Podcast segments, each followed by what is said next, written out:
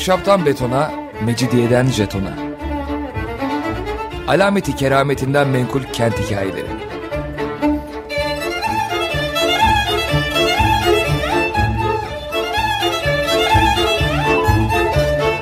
Hazırlayan ve sunan Pınar Erkan.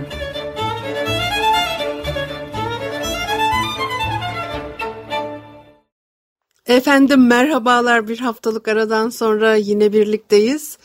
95.0 frekanslı açık radyoda ahşaptan betona, mecidiyeden jetona. Tam şu anda başlamış bulunmakta. Anlatıcınız ben Pınar Erkan. Elektronik posta adresim pinarerkan.yahoo.co.uk Bakalım bugün ne var, ne konuşacağız? Bir e, Rus maslahat güzarının anıları ve yazdıkları üzerinden elçilerin nasıl karşılandığı ile ilgili görüşlerini e, e, sizinle paylaşmak istiyorum. Pavel Artemyevich Levashov 18. yüzyılın ikinci yarısında 1760'larda İstanbul'a geliyor ve 1771 senesine de kadar da burada kalıyor. İstanbul'da Osmanlı-Rus ilişkilerinin belki de en gergin olduğu ondan sonra da zaten savaş e, ilan edilen bir dönemde İstanbul'da genellikle de bu gözlemleri oldukça fevri, e, olumsuz şeyler söylüyor. Kendilerine ne kadar kötü davranıldığından söz ediyor. Çünkü 1768 1774 yıllar arasında bir savaş var. O savaş e, ilan edilince Rusya elçiliği çalışanları Yedikule'ye hapsedilmiş onun için e, böyle olumsuz konuşması da bu anlamda da e, doğal karşılanabilir. Hep kendilerine kötü davranıldığından söz ediyor. Ben şimdi bugün sizinle e, neyi paylaşmak istiyorum? E, elçilerin nasıl karşılandığı ve e, e, elçilerle yapılan görüşmeler sırasında neler e, yaptıkları, ne tür konuşmalar. Orada e, yemek ikramlarından tutun e, işte askerlere e, dağıtılan e, ulufeler ve e, tören şeklinde oluyor bunlar genellikle. Onunla ilgili o bilgiler var öyle ilginç şeyler. Tabii yorumları da e, ilginç. E, daha önce elçilerin e, düşünceleri nasıl karşılandıkları elçilik törenleriyle ilgili epey zaman geçti üstünden programlar yapmıştık. Şimdi e, çok hoşnut değiller kendilerinin e, gösterilen davranış biçimiyle ilgili çok e, ikramda bile bulunulsa e, aşağılandıklarını hissediyorlar öyle anlaşılıyor ama bunu da kabul etmişler.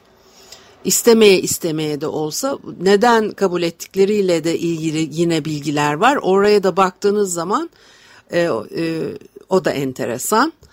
E, işte her yerde çıkar söz konusu olduğunda e, bir takım e, şeylerin kabul edildiğini görüyorsunuz. Belki günümüze de ışık tutar diye düşündüm. Hani Rusya ile ilişkiler e, ışığında e, değil ama yine de genel olarak e, nasıl ilişkiler geliştiriliyor ve ne tür sebeplerden dolayı nasıl tavırlar sergileniliyor.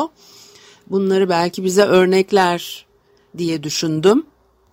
Bir kere diyor ki Türkler milletler arası hukuk hakkında hiçbir şey bilmiyorlar. Yani yine en ufak bir fikirleri yok. Kendilerini dünyada yaşayan diğer halklardan daha farklı görüyorlar. Ee, ve e, başkalarının muhakemesinde farklı kurallara e, dayandırıyorlar davranışlarını artık ne demekse. E, o yüzden de diğer devletlerle yaptıkları anlaşmaları ve yükümlülüklere gereken saygıyı göstermeden e, bu devletlerin hükümdarlarını temsil eden şahıslara da saygı göstermiyorlar e, ve sıradan insanmış gibi davranıyorlar onlara saraya geldikleri zaman genellikle diyor. Sadrazam Hekimoğlu Ali Paşa'nın e, bu adamlar casustur diye İstanbul'dan 9 mil mesafedeki bir adada kalmaları gerektiğini ileri sürmesinden ve söz konusu huzursuz misafirleri uzakta tutma planlarını yapmasından daha 50 yıl geçmedi diyor. Birçok e, e, Hristiyan hükümdar kendi e, yararları nedeniyle Osmanlı Devleti'nin e, çıkarlarına uygun hareket ediyorlar. E, bunu çünkü Osmanlı Devleti bu hükümdarların kendilerine hizmet etmelerine iten nedenin e, ne olduğunu biliyorlar e, diyor. Ayrıca Osmanlı sadece onların aralarındaki anlaşmazlıkları değil, e, bu anlaşmazlıkları doğuran ve devam ettiren olayları da çok iyi e, kullanıyormuş.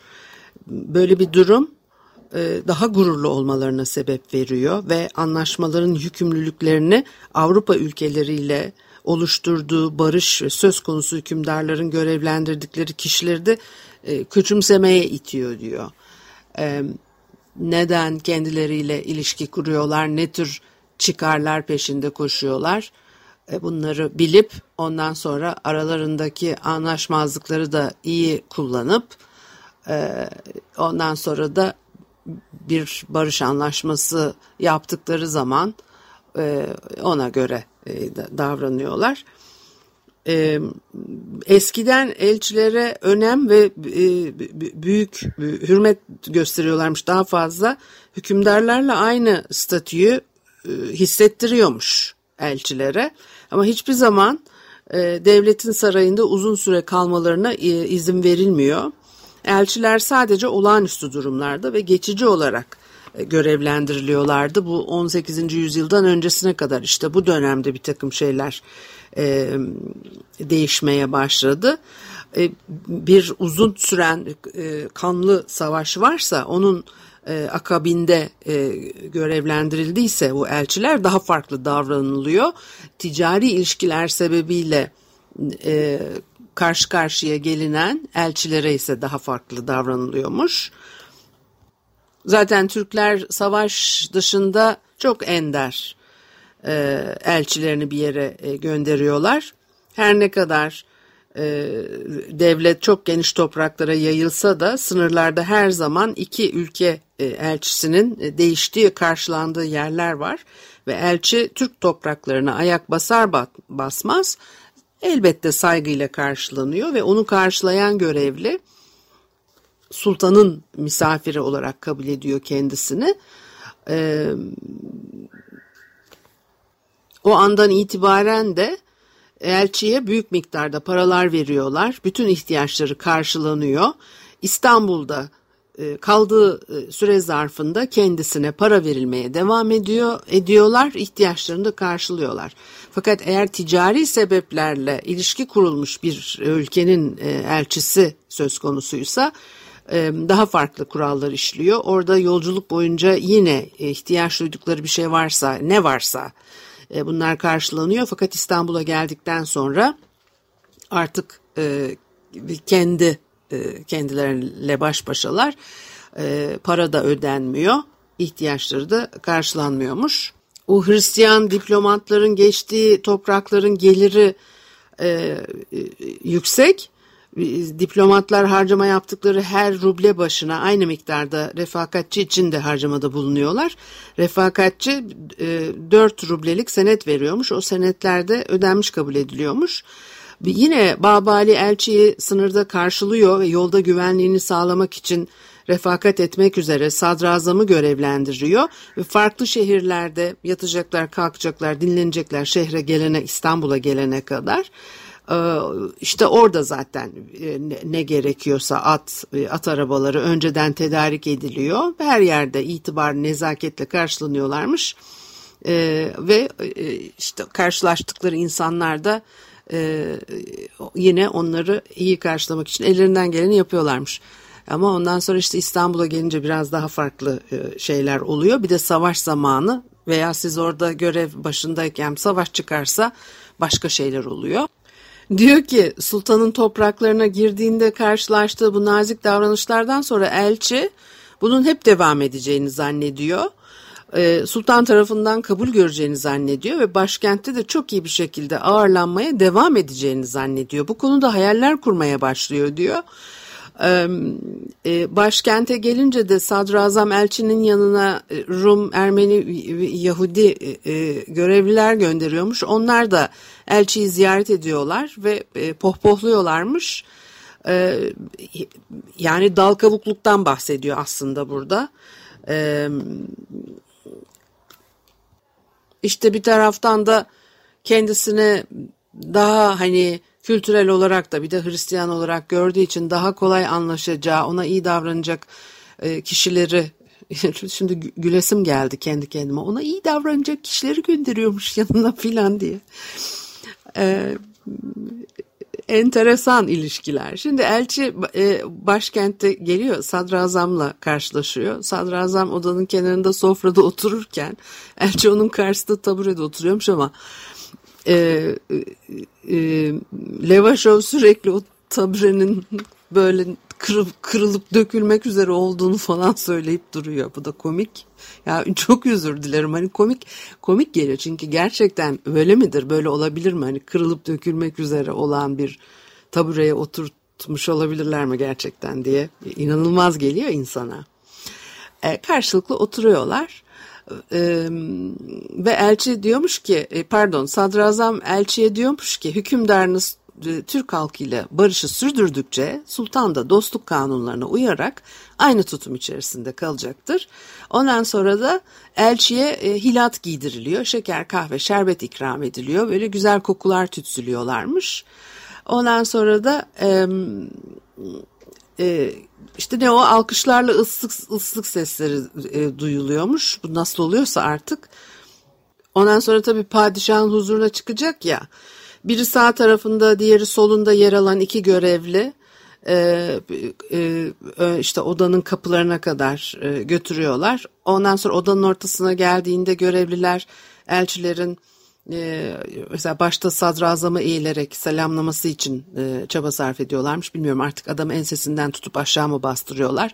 Eğer hatırlarsanız epey de yıl geçti üstünden gene böyle sadrazamların çeşitli zamanlarda nasıl karşılandığı ve bu törenlerle ilgili ve o Fransızlarla bir kılıç taşıyacağım yanımda illaki diye tutturan bir Fransız elçisi vardı. Ne padişahın huzuruna belindeki e, kılıcıyla çıkacakmış falan. Böyle enteresanlıklar vardı. E, bunlar tabii e, tepki alıyor. Demin padişahın huzuruna çıkarken dedim ama sadrazamın huzuruna çıkarken de aynı şeyler oluyor. Sadrazam da hiç ayağa bile e, kalkmıyormuş. Ee, ve diyor ki saf olanlar kandırılabilir fakat e, ihtiyatlı ve gururlu olanlar kendilerine refakat eden görevlilerin önden gitmesini sağlayarak e, onların arkalarını dönmelerine ve e, geride ne olup bittiğini fark etmelerine fırsat vermiyorlar diyor. E, ve, böyle bir aşağılanmayı büyük hakaret olarak sayan elçinin ısrarı neticesinde artık kaldırılmış bulunmaktadır diyor. Bir takım hoşnut olmadıkları uygulamalar Yine bu yıllarda bu elçilerle bir araya gelme e, kuralları değişmiş ya mesela diyor ki Rus elçilerin tabi tutulduğu kabul merasimindeki uygulamaların birçoğu artık kaldırılmıştır. Elçilerin kürk ve pahalı alacalı hilat giyme ve bütün diğer elçilerin tabi tutulduğu uygulamaların kaldırılması yararlı olacaktır. Örneğin e, Ragusalı elçiler bütün bu kurallara ek olarak e, sakal uzatmak zorundaymışlar. Sakalı olmayan elçiler öyle sultanın karşısına falan çıkamıyorlar zaten sadrazamın da karşısına e, çıkamıyorlarmış. Ee, ve e, tabii bütün ülkeler kendi elçilerini işte koruyup kollamak istiyorlar filan. Bunlar e, ciddi problemlere e, sebep oluyor. Bazı ülkeler bu davranışlara sinirlenip e, neymiş işte elçiyi geri çekiyorlar e, veya elçiye uygun kabul e, töreni yapılmadığı için başka ülkeler söz konusu olduğunda barışı bozuyorlar. Fakat Osmanlı ile böyle bir durum söz konusu olduğunda diyor ki Türkler onların diplomat ve elçilerini çok aşağılamalarına, onlardan nefret etmelerine ve bazen onlara kızmalarına rağmen bütün bunlara anlatılamaz derecede tahammül gösteriyorlar diyor. Ee, böyle davranmalarının nedeni muhtemelen onlardan bir kısmının Türklerle yaptıkları ticaretten kar elde etmeleri ve diğer bir kısmının da savaşlarda Türklerin yardımını e, e, alacakları konusunda ümit beslemeleri diyor. Ama bu, bunlar boşadır pek de böyle olmuyor e, demiş. Bir müzik arası verelim ondan sonra devam edelim. Açık Radyo'da Ahşaptan Betona, Mecidiyeden Jeton'a devam ediyor. Haliyle Pınar Erkan'ı dinlemektesiniz ve Pavel Artemyevich Levashov'un anılarını konuşuyorduk. 18. yüzyılda İstanbul'da e, elçi olarak e, elçilik e, göreviyle bulunuyor ve orada başına da gelmeyen kalmamış. Biz de şu an için sadece onun görüşleri aslında elçilerin karşılanması törenlerle ilgili genel yargıları bize aktarıyor. Örnekliyor tabii. Şimdi e, diyelim ki hükümdarın karşısına çıkacak bir gün belirleniyor. Genellikle de e, e, Galata Pera tarafında e, konakladıkları için kabul e, olacağı gün işte tarihi yarımadaya e, geçiyor. E, ve çavuşbaşı e, elçiyi e, bu iş için ayrılan evde karşılıyormuş. O, o evin girişi diyor ki yani merdivenleri çok tehlikeli evin kendisi de e, ünlü kişilerin kabul yerinden ziyade e, Lahistanlı Yahudilerin veya meyhane sahiplerinin yaşaması için daha uygundu diyor. Çok ayıp. E, her zaman çavuşbaşı camide namaz kıldığını mazeret göstererek bekletiyormuş. İşte o ilk nezaketli davranışlardan sonra e, Çavuşbaşı elçiyi sağ taraftan e, reka, e, refakat etmesi konusunda ikna etmeye çalışıyor. Niye sol taraflarında birisi olsun istiyorlar? Çavuşbaşı da diyormuş ki sol tarafını bırak sağ tarafında birisi olsun. Ama eğer diyor hani istediğiniz kadar sert konuşun Türkler bu taleplerinden vazgeçmiyorlar. E, Bazen büyük tartışmalar oluyormuş bu sebeple. Elçiler sol taraflarında mahiyetlerinden bir asilzadenin bulunmasını istiyorlarmış. İşte Türkler de bunu kabul etmiyormuş. O çıkan tartışmalar nedeniyle o yürüyüş boyunca karışıklıklar yaşanabiliyormuş. Bazen elçinin sultanla görüşmesinin tamamen iptal edildiği bile olmuş. Diyor ki bu berbat evde oldukça uzun zaman bekledikten sonra nihayet bir görevli gelerek e, sadrazamın saraya doğru yola çıktığı haberini veriyor. E, ve hemen sonra sadrazamın kapısına kadar atlı yürüyüşe başlıyorlarmış. E, yani bir kere bekliyor. Sadrazam saraya varacak. Haber veriyorlar. Sadrazam yola çıktı. Ee, görüşmek isteyen elçi e, mahiyetiyle beraber o da yola çıkıyor. Fakat e, sadrazamdan önce e, gidilecek e, yere daha varmadan elçinin sokağın ortasında atın üstünde beklemesi e, isteniyor. Ve hava koşullarına bakılmaksızın yağmur da yağsa, kar da yağsa, hava çok da soğuk olsa elçi sokağın ortasında atın üstünde bekleyecek. E, sadrazam önünden geçerken e, onu ve mahiyetindeki herkesi selamlayacak. Ondan sonra da e, sadrazam e, saraya varıyor işte e, geçiyor neyse makamına diyeyim artık oturuyor. Bütün bunlara fırsat verecek kadar bir e, sürede sadrazamın peşinden gitmesi gerekiyor. Bu da beklemek anlamına gelir. Ki saraya vardığı zaman e, sadrazamın yanına çıkınca onu divanda oturmuş şekilde e, görsün. Ee, diyor ki yine odanın ortasında elçi için hazırlanmış eski ve bir çürümüş tabure var. Tabure e, işte oturuyor elçi taburenin üzerine ve iki saat boyunca hiç anlamadığı işlerle ilgili yapılan konuşmalar var. Bunları dinliyor. Varılan hükümler var. Çünkü demek ki sadrazam divana geliyor e, işte ne konuşulacak veya başka ne meseleler varsa halledilecek bütün onların arasında sadra aman sadrazam demişim elçi de sırasını bekliyor. Ee, eğer e, bazen işte yeniçerilere ve sipahilere ulufenin e, dağıtımına da denk e, gelmiş oluyorsunuz. Çünkü Türkler genellikle ulufe dağıtımını böyle günlere denk getirmeye çalışıyorlarmış. Elçi böyle bir günde parayla dolu 2400 kesenin getirildiğine ve paylaştırıldığına şahit olmuş.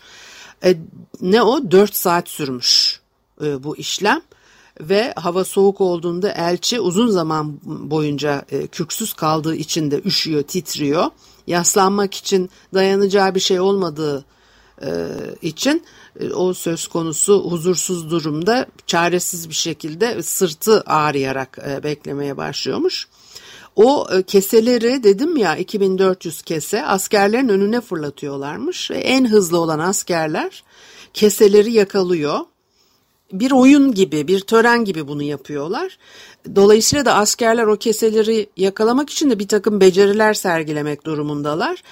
Beğenilirse o gösterdiği beceriler ben şu anda hayal edemiyorum bunların e, ne olduğunu maaşlarına e, ilave olarak yine parayla ödüllendiriliyorlarmış. Her kesede de genellikle 300'er ruble oluyormuş. O zaman da 2400 kesede toplam 720 bin ruble işte askere e, dağıtılıyor ve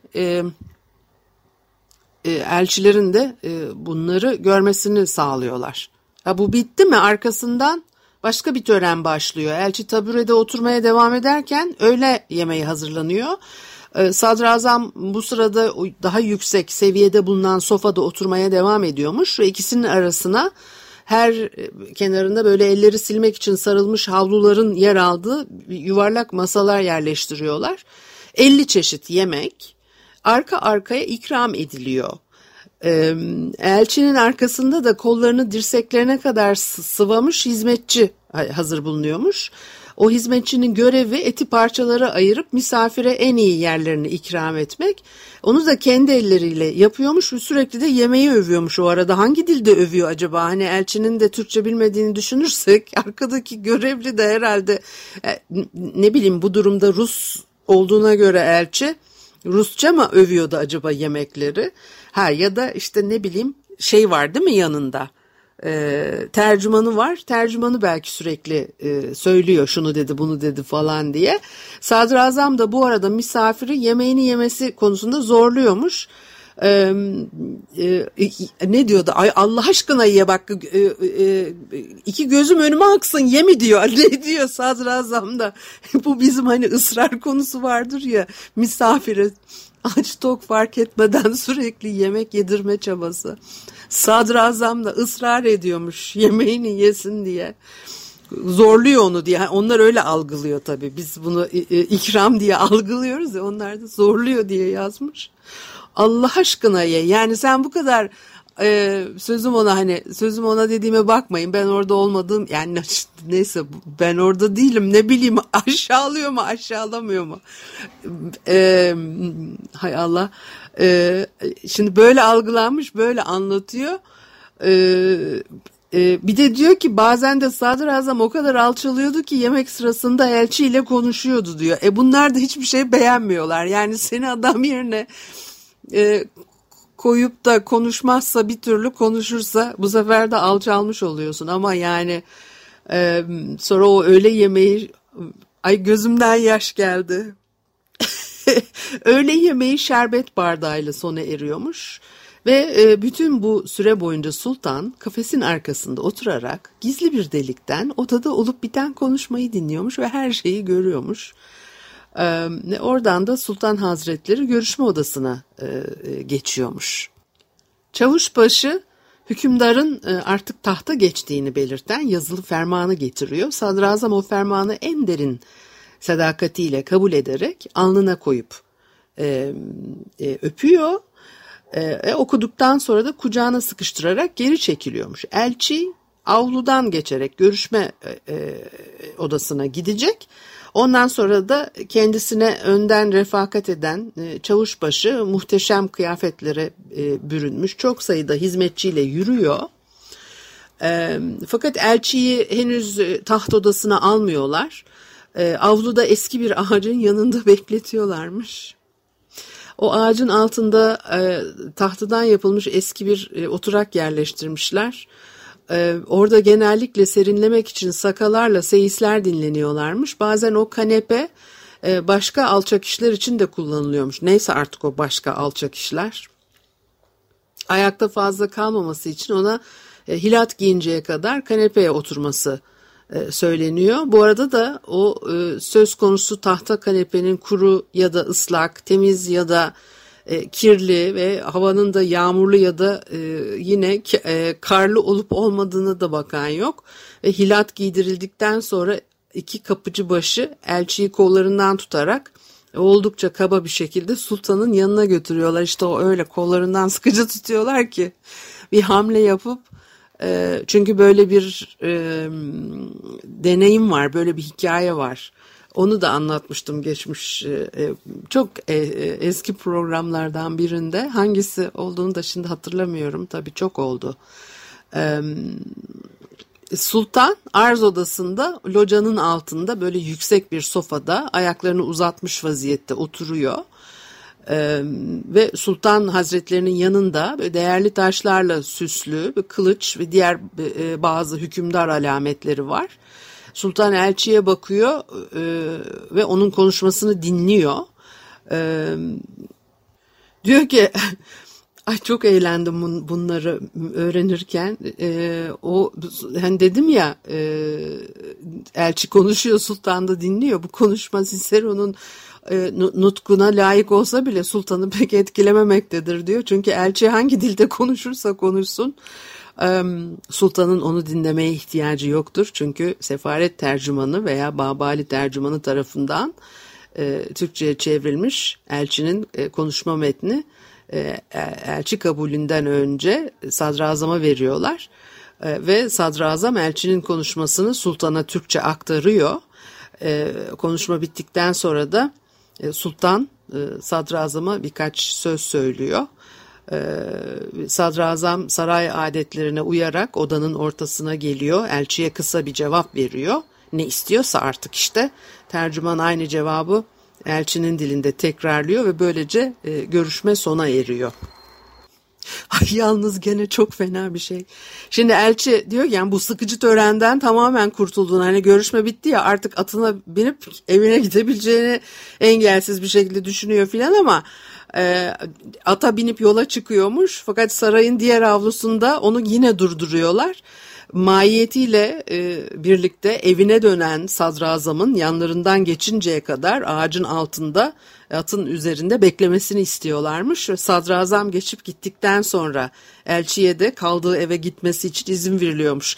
Var mı öyle sen sadrazamdan önce saraya geleceksin, sadrazamdan önce çıkıp gideceksin. Öyle bir şey yok. Sadrazamı bekleyecek, yolda reverans yapacak, onu selamlayacak. Ondan sonra da sadrazam da ondan önce çıkıp gidecek. Ee, ve tabii elçilerin çoğunun işte milli gururları, şahsi kibirleri bu ızdıraplı töreni e, doğru bir şekilde e, tasvir etmeye imkan tanımıyormuş öyle söylüyor. Onlardan bazıları e, en aşağılayıcı uygulamaları örtbas etmeye e, çalışırlarmış. Yanlarında getirdikleri ve her görüşmede e, mutlaka vermek zorunda oldukları e, hediyelerin hediyeyi verenlerden çok onları kabul eden e, Türkleri gözden düşürdüğünü söylüyorlar. Fakat Doğu gelenekleriyle Türk yönetiminin şanı, gururu ve azgınlığı e, hakkında daha fazla haberdar olanlar bu hediyelerin e, Türkler tarafından haraç olarak kabul edildiğini de kesinlikle bilirler e, diyor. İşte her şeye e, bir şey bulunuyor tabii. Bir de elçiler e, e, başka uygulamaları da tabi tutuluyorlar. Hürmet etmeye zorlanıyorlar. Bir de silahsızlandırılıyorlar. Osmanlı Devleti'nin diğer devletlerle ilişkilerini kestiğinde elçinin bütün evrakları elinden alınıyormuş. Elçi ve mahiyetindeki herkes hemen hapsediliyor. Ee, Rus elçisinin de yaşadığı şey bu. Savaş çıktı, hapsedildiler demiştim programın başında. Türkler hiçbir devlette sürekli elçi bulundurmadıkları için e, buna karşılık bir hareket yapılır, intikam alınır gibi bir kaygıya da düşmüyorlar. Belki bunu bu enteresan. Belki bununla ilgili bir program daha yaparız. Haftaya görüşene kadar hoşçakalın.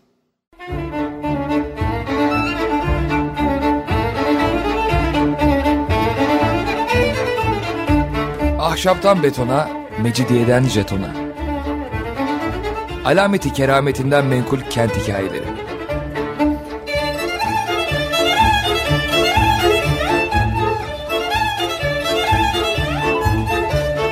Hazırlayan ve sunan Pınar Erkan